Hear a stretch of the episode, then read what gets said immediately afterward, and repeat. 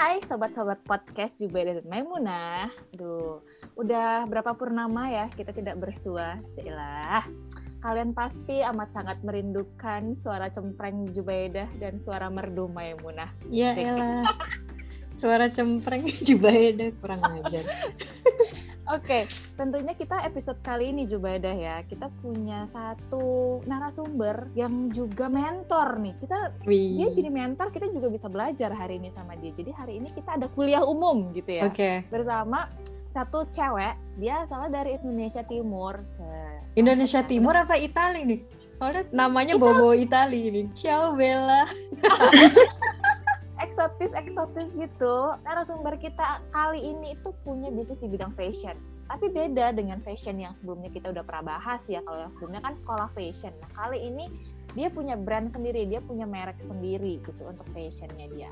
Oke, ada siapa di sana? Boleh menyapa pendengar podcast di Badan Maimunah dulu. Halo Bella. Halo Kak Maimunah ya dan. Eh, ini aku nggak sendirian. Aku nggak sendirian karena aku bersama anjing aku. Kedengeran kan ya suaranya ya? Dia ikut podcast juga rupanya ya. Kenalan. Iya, ikut podcast juga. Anjingnya juga usaha entrepreneur juga ya. Iya tuh dia jawab kan. Bel, sebelum gue masuk dan sebelum gue kepo nih ya Bel, perkenalkan tadi kan lu sempat bilang lu Bella gitu ya, lu Bella. Sebenarnya siapa sih Bella ini dan bisnis apa? Tadi gue sempat singgung bisnis fashion, bisnis fashion yang kayak apa sih yang lagi lu kerjain sekarang gitu? Oke, halo semua para pendengar juga nantinya. Salam kenal, aku eh, Bella mewakili salah satu sebenarnya sih bukan exactly fashion brand ya karena aimnya tuh sebenarnya ke depan kita mau membuat lebih banyak area industri kreatif sih ke, de- ke depannya. Jadi Kopada Flores adalah sebuah social enterprise. Jadi kita membuat sebuah bisnis, mengelola bisnis, tapi dari hulu ke hilir aktivitasnya berorientasi nggak cuma untuk profit, tapi juga untuk people sama planet.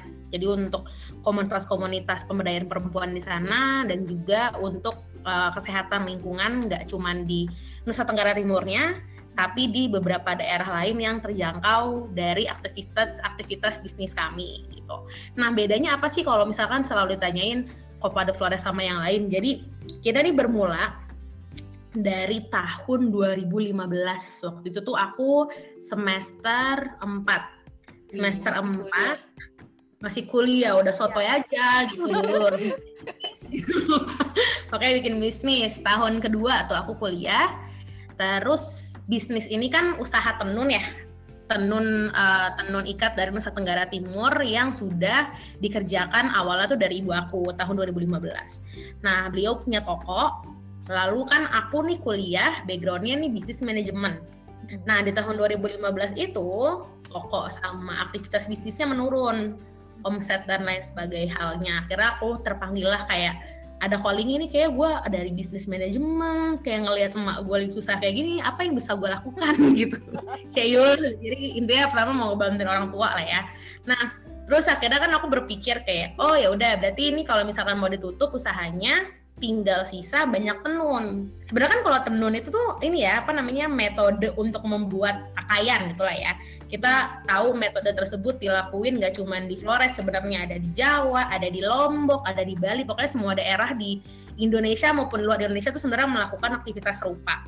Tapi yang membedakan tenun ikat Nusa Tenggara Timur yang jadi bahan pokoknya kepada Flores itu kita melihat tenun itu tuh ada cerita-cerita yang membuat benda tersebut tuh terlihat hidup. Misalkan kita ke kabupaten A, ke kabupaten B gitu, minggir ke kabupaten B, terus minggir ke kabupaten C itu udah beda.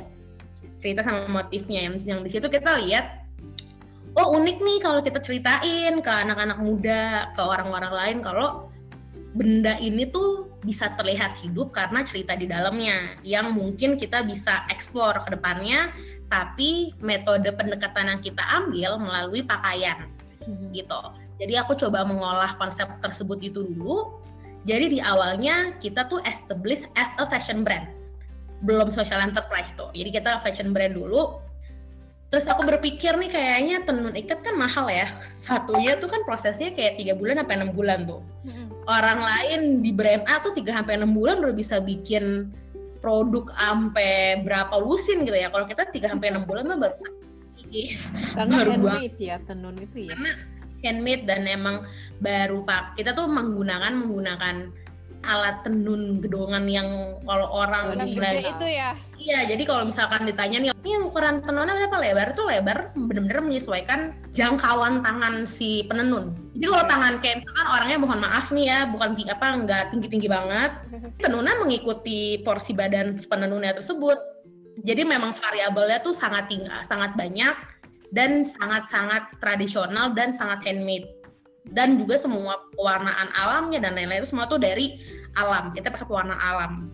Jadi makanya kayak dari awal kita stated oh ya udah kita bukan cuma buat people doang tapi kita bakal meranah ke lingkungan juga gitu.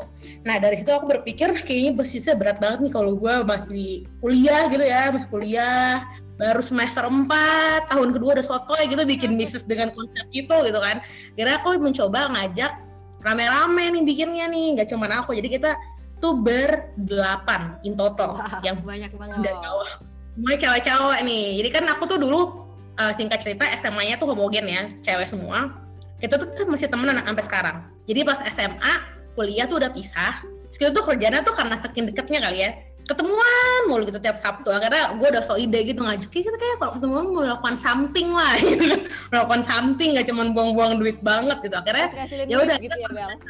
ngasilin duit. Kita boleh nongkrong di kafe gitu ya. Boleh nonton bioskop gitu atau jalan-jalan tapi kita harus menghasilkan something duit atau apa gitu. Jadi ceritalah ngajak ke beberapa temen yang memang aku tahu karena kita saking dekat itu aku tahu oh ini, ini orang nih emang punya passion di bisnis atau nih orang nih emang sukanya gambar ada yang sukanya foto gitu kan. Jadi tuh ajakannya sangat cocok. sangat intensnya tuh yang kayak one on one dulu bareng sama aku gitu kan. Dan kayak kita ngelakuinnya tuh kayak lu pengennya apa? Ngelakuinnya hal yang lu buat aja gitu. Jadi tuh berdelapan udah ada fungsinya masing-masing. Jadi kayak misalkan job desknya tuh ada yang ini tapi fun fact delapan orang tuh nggak ada yang anak fashion. Jadi kita tuh semua udah soto aja tuh ya delapan orang mau di bisnisnya industri fashion tapi nggak ada tuh yang yang yang yang ayah. Nggak oh, ada tuh. Tapi semuanya senang beli baju ya jadi ngerti semuanya ya. senang beli baju semuanya senang apa ya senang sesuatu yang warna-warni gitu. Tapi ada jadi porsinya tuh nggak semuanya suka tenun sebenarnya.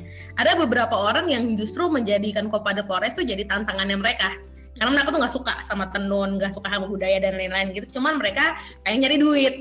Jadi kayak yeah. ya kan pokoknya gue bagian cari duit gitu kan. Jadi berdelapan tuh ada porsinya masing-masing. Ini kita berdelapan kagak ada yang fashion. Jadi kita tuh selama bikin Copa de Flores tuh belajar dari YouTube to be honest. Jadi kayak kalau mau bikin belajar kita lihat step by step kayak oh ini tuh ini dulu baru gini ini gini. Dan selalu tuh dulu ya semester apa semester awal-awal bikin Copa tuh tahun kedua 2015 tuh kayaknya hampir tiap minggu kita ketemuan kalau nggak kita tuh ngobrol sama orang yang punya bisnis fashion.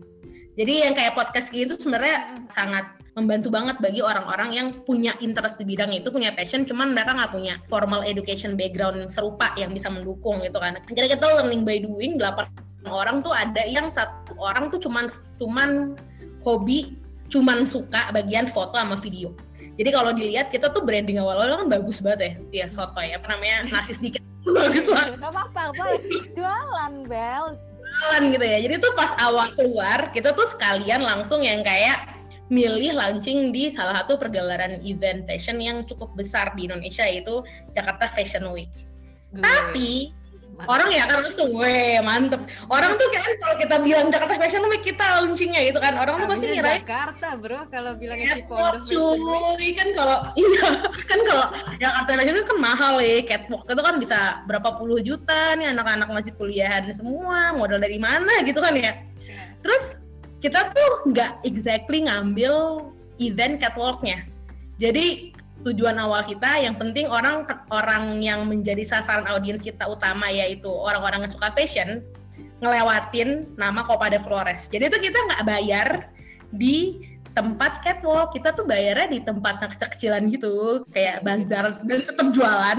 Cuman ternyata itu tes market yang benar-benar masuk sih tepat sasaran sih karena dari situ langsung boost gitu. Jadi semua orang tuh kayak oh iya fashion tenun Flores karena namanya Flores juga kali ya jadi orang tuh selalu top mindednya mereka tuh pasti ke Copa de Flores di saat itu. Jadi waktu kita launching pertama tuh kayaknya tiga hari atau lima harian tuh itu waktu itu gue lagi ujian akhir, buset nggak? Wow. nah ini untungnya ini salah satu strategi. Jadi kalau misalkan mau bikin bisnis pas kuliah gitu kan, kalau aku tuh prinsipnya bagi-bagi tugas. Kalau ada satu jadwal kuliah anak univ A dia nggak bisa ya udah lu libur aja lu fokus belajar sisanya yang lain yang backup. Jadi pas Iya. hari itu tuh gue cuma dua hari ke sana tapi selama hari sebelum sebelum tuh persiapannya bareng-bareng gitu kan. Jadi pas lagi perhelatan aku nggak hadir. Yang hadir tuh teman-teman yang lain. Bar aku pas closingnya doang hadir gitu kan. Jadi pas dari situlah orang-orang udah pada kenal tuh. Akhirnya itu tuh modal kerjasama nih. Brandingnya tuh dulu kita tuh ya puji Tuhan alhamdulillah ya dapat kenalan tuh kayak kita tuh nyari-nyari zaman dulu di Instagram. Kayak siapa ya nih? Fotografer atau siapa gitu yang lagi apa yang lagi baru launching juga. Nyari But- portofolio gitu ya. dari portofolio gitu kan. Akhirnya kita coba ngajak eh dapet. Itu bener-bener in totalnya tuh zero cost marketing sih. Jadi kita bener-bener nggak ada habis marketing apa-apa karena bener-bener dibantu. Fotografer kita ada graphic designer khusus juga udah ada internalnya yang punya opa terus marketing marketingnya juga udah ada semua jadi kita benar-benar bagi tugas di dalam situ.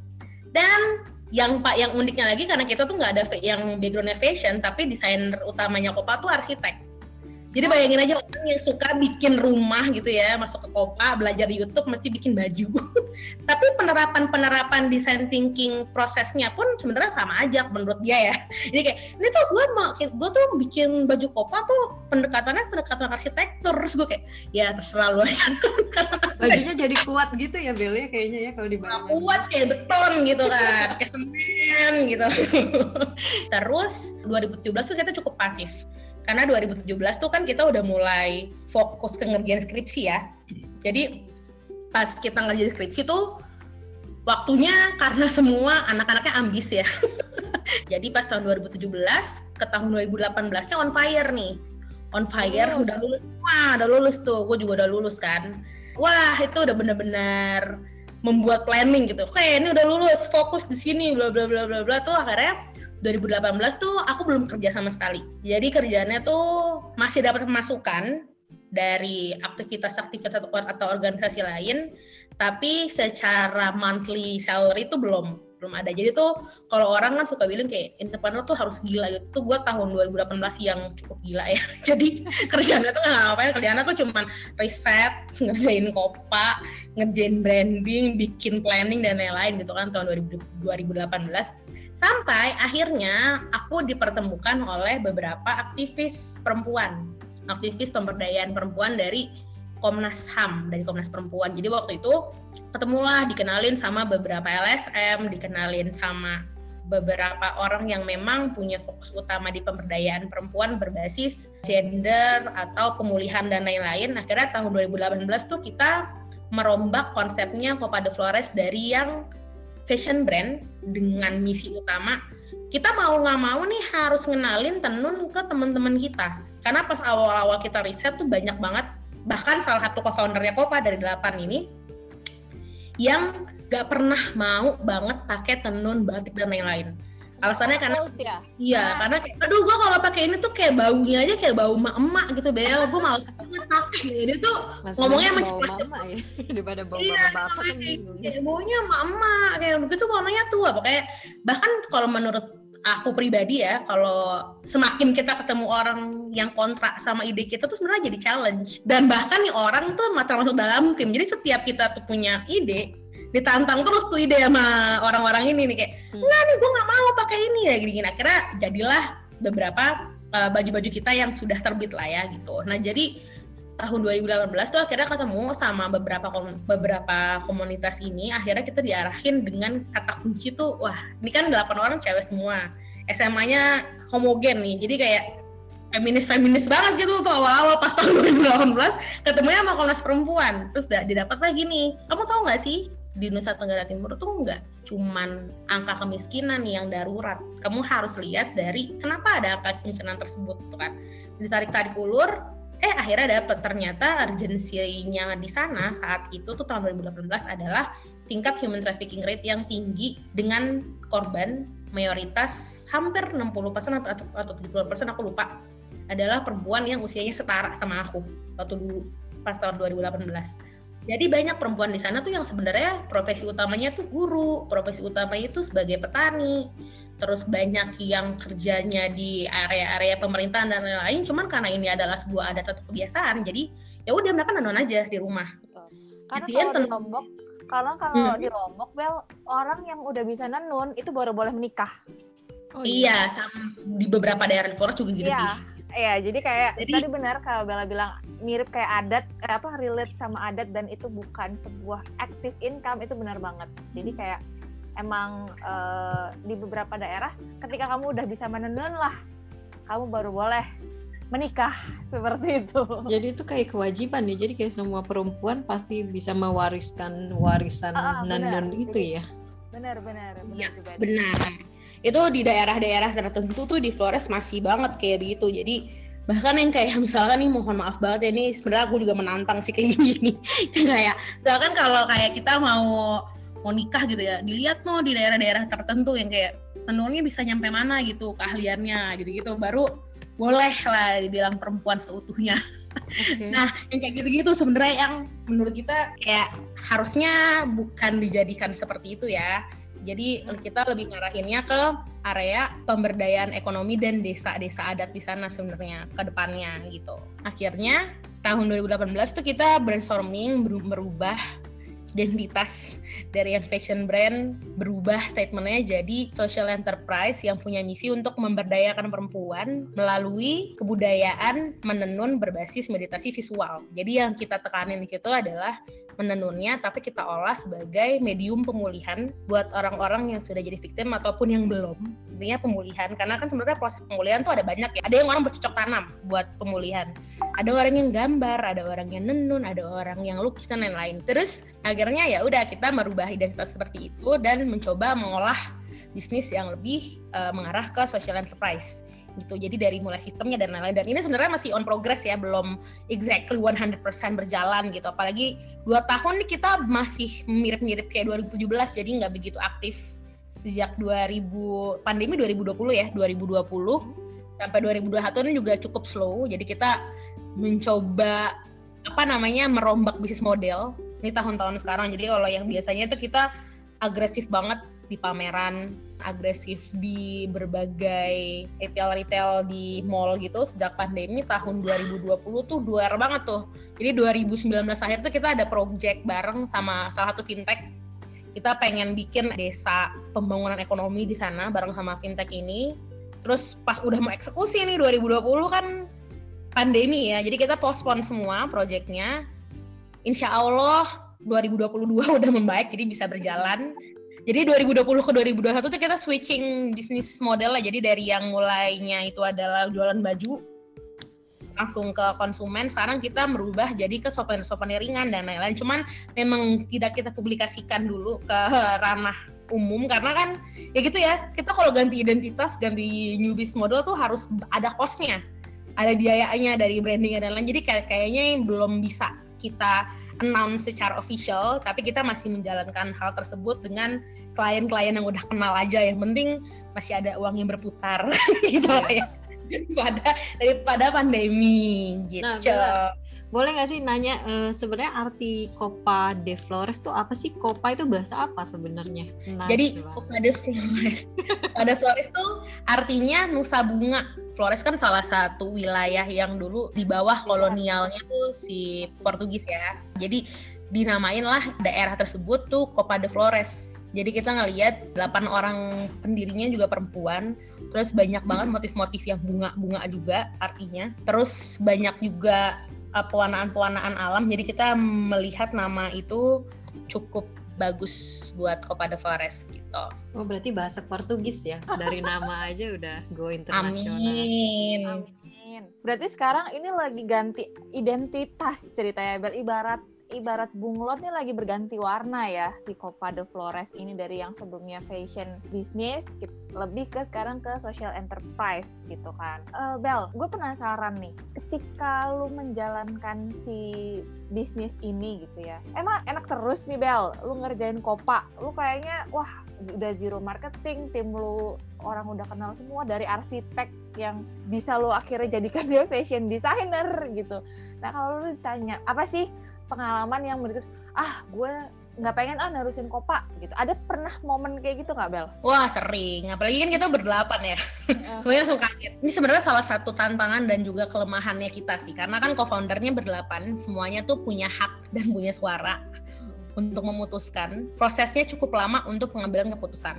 Dan kan semuanya tuh uh, perempuan, usianya sama, jadi pasti banyak banget pertentangannya, berantem-berantemnya tuh banyak banget. Jadi kalau misalkan kayak kita lagi mau bikin satu season gitu. Namanya aja tuh kita bisa kasih berapa minggu sendiri buat bikin nama nama koleksi. Terus belum lagi baju dan lain-lain kan. Dan dari style kita berpakaian aja. Kalau aku kan sebenarnya baju tuh aku to be honest kalau pakai baju tuh sesuai mood atau sesuai situational condition aku di, ada di mana gitu. Kalau aku tuh nggak ada identitas something. Kalau gue pakai baju mesti hitam semua atau mesti putih semua kan ada ya orang-orang kayak gitu. Kalau aku nggak.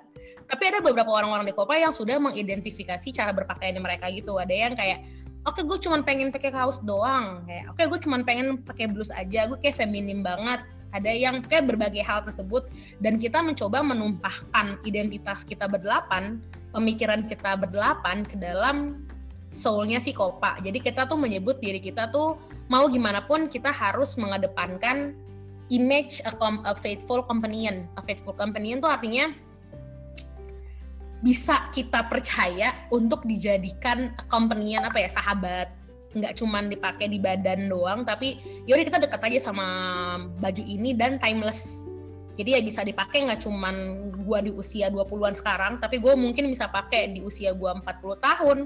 Bahkan karena timeless gue bisa kalau gue udah usia 50 tahun terus gue punya cucu atau gue punya anak gue kasih ke anak gue itu tuh salah satu impian-impiannya Copa de Flores dalam merangkai produk-produknya kita. Dan itu butuh waktu yang panjang butuh banyak berantemnya. Tapi uniknya setiap kita selesai berantem tuh kan nggak deket banget ya jadi kalau udah kelar berantem tuh nggak ada yang nyampe baper yang kayak udah gue keluar aja deh headache opa gitu nggak. Bahkan kita berdelapan tuh yang sekarang aktif cuman berempat.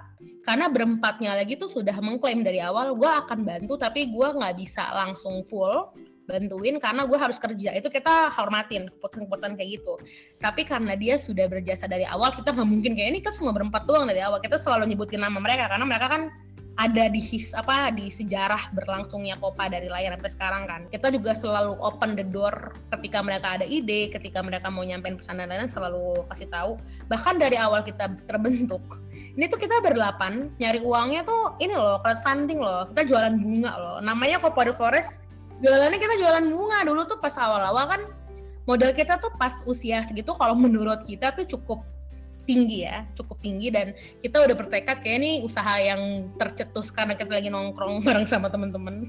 Ngabisin uang dulu kan belum kerja semua ya tuh ya masih kuliah doang. Jadi kayaknya nggak mau deh minta uh, orang tua gitu. ada emang beberapa anak tuh yang udah intern dan lain-lain jadi mereka pakai tabungannya. Bagi yang belum nih kita tuh setiap Sabtu Minggu gitu kalau nggak salah sebulan tuh jualan bunga gitu. Di yang kayak segitunya sebenarnya. Jualan bunga, bunga di, di mana ya. Di dia kan kita di Jakarta kan. Jadi itu kita ngambil momen. Kita ngambil momen kita lihat yang kayak di mana ada orang-orang yang berpacaran ngumpul. Oh, itu iya. ada katen tuh couple mau nggak mau kan kalau ceweknya udah lihat gitu ya ya langsung dibeli kan lo tuh apa buka-buka. Kita kira kita tuh jualan dengan cara seperti itu. Terus dari mulai Modal. pembentuk berarti nekat-nekat semua ini delapan orang ininya jadi delapan ya, orang tuh jalan kaki bawa bunga kayak gitu. Terus eh, tapi nggak berdelapannya sih crowdfundingnya tuh kayak cuma tiga sampai empat orang aku lupa kayak kayak tiga orangan deh ya yang, yang waktu itu crowdfunding termasuk gua di dalamnya. Jadi kayak udah kita ini aja lah udah kita jual bunga yang memotivasi gitu kan gue yang ngajak jualan ya. bunganya mahal nih pasti Bel ya. Satu bunga satu juta ya. Kok bisa sampai bikin bisnis? ya. lumayan sih. Kita dapat untungnya lumayan dari hasil-hasil bunga itu. Makanya tercapailah tuh si apa namanya permodalan berdelapan orang ini ya. Soalnya kan sotoy gitu kan awalnya kan kita mau ke Jakarta Fashion Week nih Emi udah gede ya apa-apa nih udah ada M gede cita-cita akan terlaksana kalau ada usaha dan proses ya. itu yang kayak berarti Bel bisa dibilang bisnis lu ini modalnya dari orang-orang yang saling mencintai ya Bel ya? iya terima kasih banyak walaupun waktu itu kayaknya kita berdelapan single semua tuh bunda jadi tapi yang beli bunga gitu bunga beli, beli. Ya, terima kasih sebagai kalau sekarang kan zamannya kan crowdfundingnya udah digital ya. Kalau kita dulu Iya. masih offline. Jadi thank you for supporting us. Orang-orang Siapa yang lagi? mukanya Bella ya. Iya. Terus kita udah planning banyak banget 2020 tuh udah hampir DP ya. Untung aja belum DP ke DP beberapa event. Prosesnya tuh kan karena karena utama penjualan kita kan bio mayoritas tuh didapat ketika ketemu konsumen langsung ikut pameran. Kalau online tuh kita belum bisa fighting dengan agresif karena orang tuh belum bisa peka tenun NTT yang kayak apa, tenun yang lain kayak apa karena jenjang harga rentang harganya tuh cukup jauh. Mhm. Kalau di digital kan kita ngeliatnya ya udah yang paling murah aja yang kita ambil gitu kan, Iya, yang biasa. ya. Jadi susah sebenarnya untuk bisa fighting di ranah sekarang walaupun PR utama untuk semua UMKM adalah going digital. Itu yang paling dirasakan sebenarnya nggak cuma di Kopa tapi di UMKM UMKM lain yang terkena dampak pandemi. Jadi kalau yang tadinya kita dapat dana serawutan gitu dari jualan bunga di tahun 2019 kita sebenarnya sudah ada pendana-pendana utama yang kita tanggung jawab nih duit orang mau kita apain gitu kan. Iya. kira 2020 akhir awal tuh yang kayak udah shock shocking moment yang kayak gimana nih? Gimana cara balikinnya? dan lain-lain gitu. Aku sih sama temen-temen selalu inget kata-kata Tan Malaka gitu yang terbentur terbentur terbentuk kan. Kita kayak oke nggak apa-apa lah. Nih kayak kalau kata orang-orang lain tuh kalau udah di pernah diter- diterpa badai diterpa gerimis juga boleh lah gitu. Kita kayak kita udah empat tahun ya kali kayak gini aja kita nyerah gitu kan. Akhirnya mencobalah bikin inovasi baru nih dari jualan masker. Akhirnya kita jualan masker aja. Ini kesannya baju masih banyak banget nih di rumah aku nih ada inventor banyak banget nih inventornya Kopa yang belum terjual gara-gara program tersebut. Tapi kita akhirnya demi memberikan alur kas yang baik kita jualan lagi masker baru. Dan itu cukup hype dari agresivitas si jualan masker tersebut lah akhirnya kita mencoba ke ranah B2B walaupun masih nggak kita publikasikan secara umum gitu. Apa tuh B2B? Bisnis. B2B itu bisnis, bisnis to bisnis. Jadi kita langsung dibelinya banyak pre-order gitu. Pre-order souvenir. Jadi kayak oke orang mau butuh apa gitu gift-gift ya udah buat pakai di Kopa. Karena kita tuh sebenarnya nggak berani publish juga karena masih coba-coba ya. Eh, Ini sih kayak prinsipnya aku sama temen-temen ya kayak sebenarnya kalau kita mau berbisnis tuh jangan motif utamanya tuh buat jadi kaya. Karena kalau jadi entrepreneur kan ada untung, ada rugi, nggak selalu untung kan nggak selalu untung. Lalu kalau kita membuat bisnisnya itu dengan mengelolanya dengan tepat, ujung-ujungnya tuh akan ada juga pemasukan yang kita dapat. Jadi kita coba memaknai hal tersebut, terus kita ngelihat, oh ya udah apa namanya karena Copa de Flores juga itu adalah proses yang cukup panjang, cerita-cerita dan lain-lainnya. Walaupun kalau aku tuh menjadi mentor di beberapa bisnis lain tuh selalu ngeliat jenis bisnisnya dulu. Jadi kalau kita bisnis kuliner gitu kan, mau nggak mau orang setiap hari butuh makan. Kalau orang butuh makan, kapasitas proses bisnisnya tuh harus agresif. Biar orang-orang bisa makan gitu kan. Cuman kalau kayak di Copa de Flores yang kayak bikin bisnisnya 3 sampai 6 bulan. Kita tuh itu bukan proses yang lo bisa cepet karena kita udah klaim di awal ini adalah metode pemulihan kita di mana pemulihan tuh butuh waktu. Gak cuma yang kayak oh ya udah sini gue ngacak-ngacak itu kan enggak kan. Jadi kita mencoba memaknai proses tersebut akhirnya kita yang kayak oke kita menerima kalau kita udah lari cepet tuh planning 2019 ke 2020 kayak oke kita mau lari cepet pas kita udah ngelihat ibaratnya pandemi itu udah kayak jurang. Ya mau nggak mau lu cari jalan lain lo stop dulu. Atau kalau lo mau sotoy jembatanin tuh jurang yang ada lo sekarat. Kalau nggak ya udah lo bisa fighting. Dan pilihan paling tepat yang menurut kita ambil adalah oke kita stop dulu kita ngambil jalan tikus lain lah ya untuk mencapai hal tersebut gitu kalau di Kop- dan ini akhirnya salah satu hal yang aku tuh pas 2018 tadi kan aku cerita ya nggak mau kerja istilahnya tuh kalau punya bisnis tuh kayak punya anak sebenarnya. Tanggung jawab ada ya. baby, iya ada baby gue yang mesti gue besarkan gitu lah ya. Ini paling menantang nih. Jadi aku dapat mentor. Aku dapat mentor 2018 terus ikut inkubasi juga. Makanya aku tuh selalu merefleksikan apa yang pernah aku dapatin dibantu sama orang ke aktivitas yang aku jalanin saat ini dan ke depannya gitu. Jadi waktu itu aku ketemu mentor dan itu adalah inkubasi social enterprise terus ditampar lah tuh sama bukan ditampar langsung ya ditampar dengan kata-kata Sakit nggak Bel? Jadi kan sakit tuh jadi kayak ditantang gitu jadi kan kita kan menyebut diri fashionably humanist brand. Jadi tadi kalau tadi kita image-nya itu faithful convenient, tapi nilai yang kita tularkan dari semua produk-produk kita itu adalah gimana caranya orang bisa merefleksikan jadi orang yang tahu tren dan lain-lain. Cuma mereka tuh humanist gitu, punya nilai-nilai kemanusiaan, gak cuma ke manusia aja tapi ke lingkungan dan lain-lain. Jadi dari uraian tersebut kayaknya kan banyak banget kan PR-nya capek gitu kan ya. Terus kagak ada duit no. Dari awal aja udah jualan bunga gitu kan. Ditampar lah mentor aku udah 2018 tuh ya. Kamu bullshit kalau kamu mau memberdayakan orang selama kamu tidak berdaya. Geran. Oh, bener juga ya. Kamu nggak bisa memberdayakan orang we are a social enterprise. Kalau social enterprise tuh lu nggak bisa ngomong nyari duit sama orang. Kita nggak dapat duit dari donatur, kita harus making money. Making money ya butuh modal juga. Kalau di bisnis kan kita belajar ada yang namanya capital budgeting. Modal tuh harus dibajetin gitu, harus direncanain. Kalau mau bikin apa tuh pakai semua tuh perencanaan dan lain-lain. Kira wah tertampar banget tuh gue kayak ya gimana nih cara? Sekiranya langsung diarahin kan. Coba cari kerjaan yang bisa membuat kamu menjalankan kopak secara paralel. Terus gue bingung uh. cari kerja gimana gue gitu ya PR tunggu tunggu tunggu. Ini tapi gue. pelajarannya jadi beda gitu ya bukannya orang biasanya ngasih tahu kalau lu punya bisnis lo harus all out di situ jangan kerja kantoran lo harus seriusin usaha lo itu. Tapi kalau mentornya si Bella ini tadi nyuruh cari kerjaan lain yang bisa paralel supaya lu bisa dapat modal buat usaha lu itu ya maksudnya gitu ya Bella Iya, dan itu sih salah satu pelajaran yang aku makanin banget dari mentor aku tuh bilang kayak orang tuh bisa unstoppable action. Kayak lu kalau mau punya bisnis yang kayak nafasnya tuh panjang, lu tuh bisa dimulai dari apa yang lo suka dan apa yang paling lo benci. Itu yang pertama yang menurut dia yang kayak kamu identifikasi apa yang kamu pilih, kamu mau milih yang mana gitu. So aku akhirnya berefleksi, kayaknya kalau suka tuh aku nggak terlalu suka fashion. Yang kayak tadi aku bilang, aku tuh kalau pakai baju sesuai mood sesuai situational and condition gue kalau gue mau ke mana gitu. Aku tuh nggak terlalu interest di situ cuman aku tuh sangat sebel aku sangat marah kalau aku lihat di media. Atau aku kalau lihat di mana-mana tuh ya kayak identitasnya NTT tuh kayak pasti daerah miskin daerah tertinggal.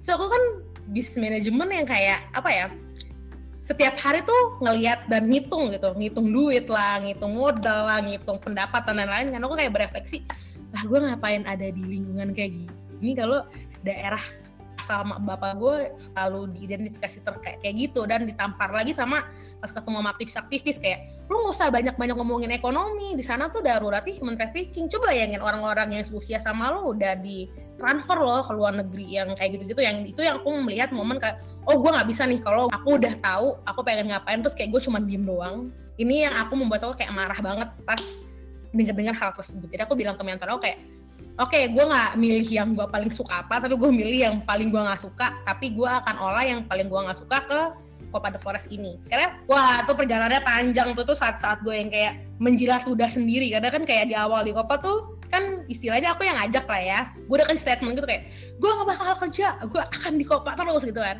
Tiba-tiba kayak rapat gitu terus kayak minta izin gitu kan temen-temen kayak gue kayak gue harus kerja Mohon guys. maaf, CV sudah saya layangkan. Bunda aku juga makan gitu kan. Akhirnya menjilat ludah sendiri tapi akhirnya puji Tuhan alhamdulillah mereka semua yang kayak oh ya udah it's, it's good gitu. Coba cari yang lain-lain lain.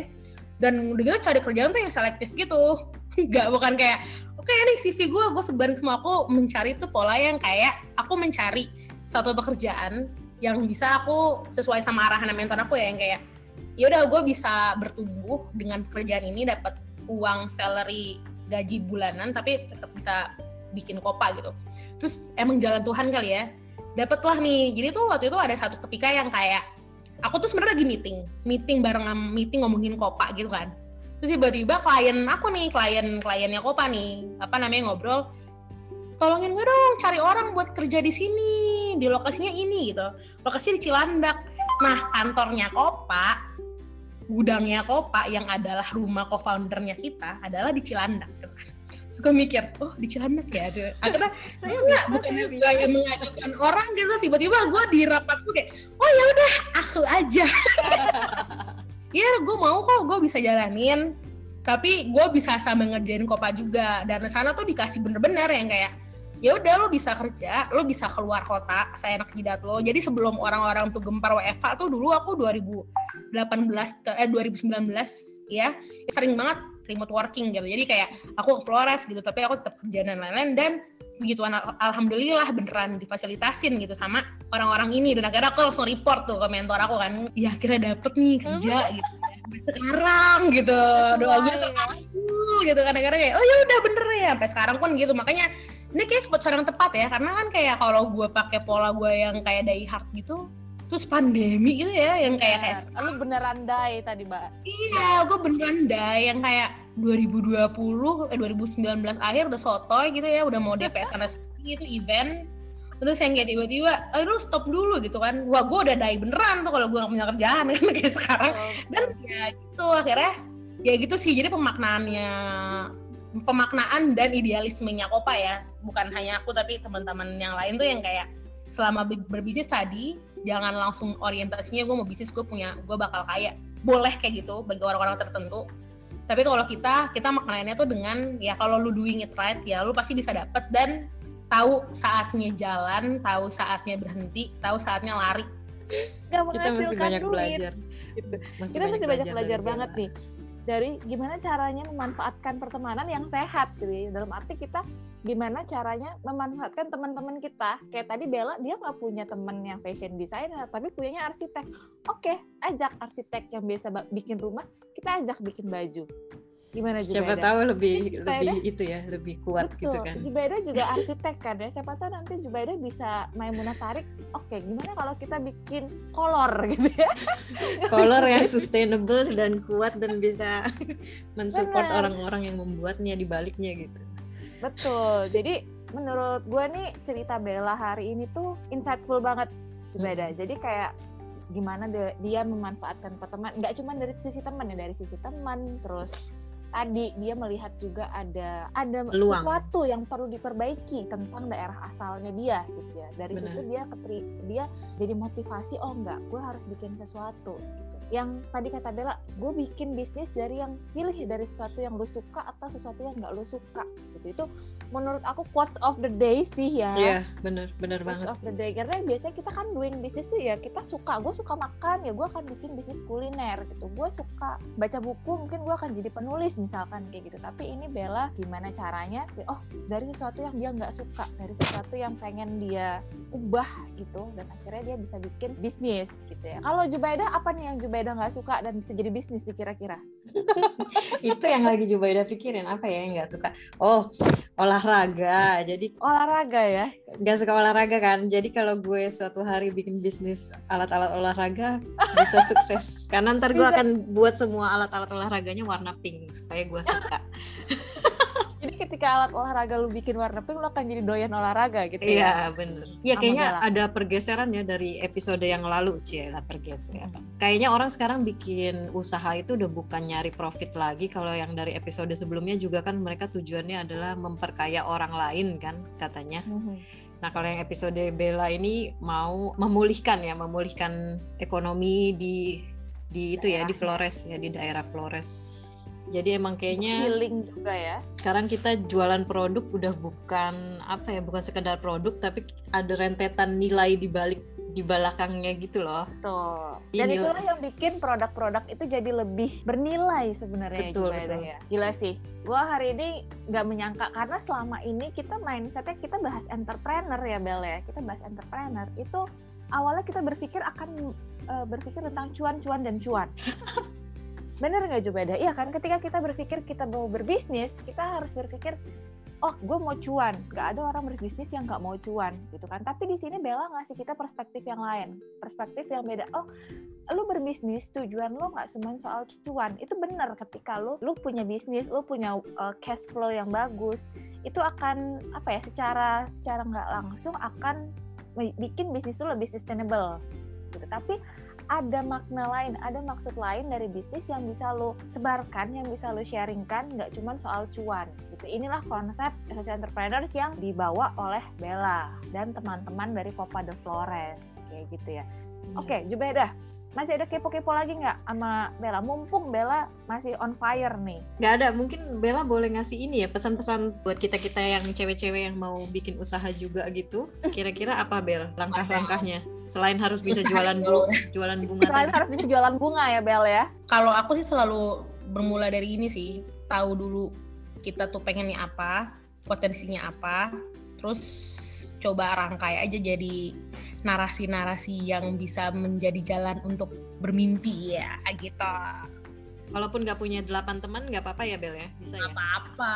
Banyak tuh yang kayak cuman dua orang. Ada banyak yang aku punya satu teman yang memang dia tuh single founder. Bisnisnya juga social enterprise. Membantu teman-teman disabel dari Lombok. Nggak di oh, iya? Jakarta. Ya? itu ceritanya beda lagi tuh kalau dia kan single founder tuh.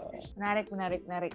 Jadi outsource atau sumber daya itu nggak cuma duit nggak cuma modal. Modal itu penting kayak tadi Bella bilang ya gimana dia caranya mengusahakan modal di awal. Tapi setelah dia makin berjalan dia kira tahu oh nggak cuma modal tapi juga ada yang namanya empati.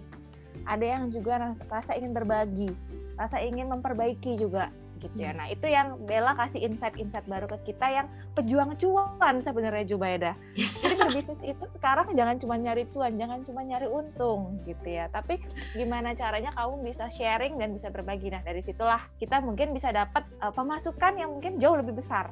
Iya amin amin. Gitu. Makasih banget Bella uh, hari ini udah sharing sama uh, teman-teman pendengar podcast Beda dan Maimunah gitu ya. Semoga sharingnya Bella kali ini uh, bisa bermanfaat buat para pendengar kita gitu ya. Jadi biar yang galau yang duh gue pengen usaha tapi nggak ada modal. Gue pengen kerja tapi juga pengen buka usaha sendiri. Bella udah mencontohkan itu bisa kok. Bisa dikerjakan berbarengan gitu ya. Jadi memang tinggal uh, apa ya niat kita seperti apa ketangguhan kita seperti apa dan kalau misalkan satu pintu tertutup pasti pintu yang lain dibuka. Asal yeah. jangan lupa untuk gedor aja gitu ya. Kita harus berani gedor Benar. gitu. jangan lupa IG-nya Bella di gedor juga ya tadi ya Copa de Flores yeah. itu tadi ya kalau oh iya. Buat yang nah, mau ngecek ya Bel. Yang mau gedor-gedor Bella boleh di IG Copa de Flores atau nanti di IG pribadinya dia. Mungkin dia akan Maimunah tulis juga di deskripsi bawah gitu. Makasih banget Bella hari ini sharing-sharingnya makasih Bella. wow, rasa banget Uh, sukses buat Kopa, sukses buat kerjaan Bella. Semoga nanti 2022 pandemi makin baik, segala yang direncanakan bisa mulai tercapai satu persatu. Sampai ketemu di Jakarta Amin. Fashion Week ya Bella. Sampai ketemu di Jakarta Amin. Fashion Week. Mudah-mudahan kali ini naik catwalk dia si Bella nih. Oh iya. Amin. Naik lagi ya. Betul. Betul, naik kelas. Amin. Naik kelas. Amin. Oke, sampai di sini dulu episode podcast Jubeda dan Maimunah kali ini. Nantikan terus podcast-podcast kita selanjutnya yang mungkin bisa lebih menginspirasi, bikin kalian jadi pengen, oh oke, okay, gue mau berentrepreneurship, gue pengen buka usaha sendiri. Jubeda dan Maimunah pamit, sampai ketemu lagi di episode selanjutnya. Bye-bye. Bye-bye semuanya.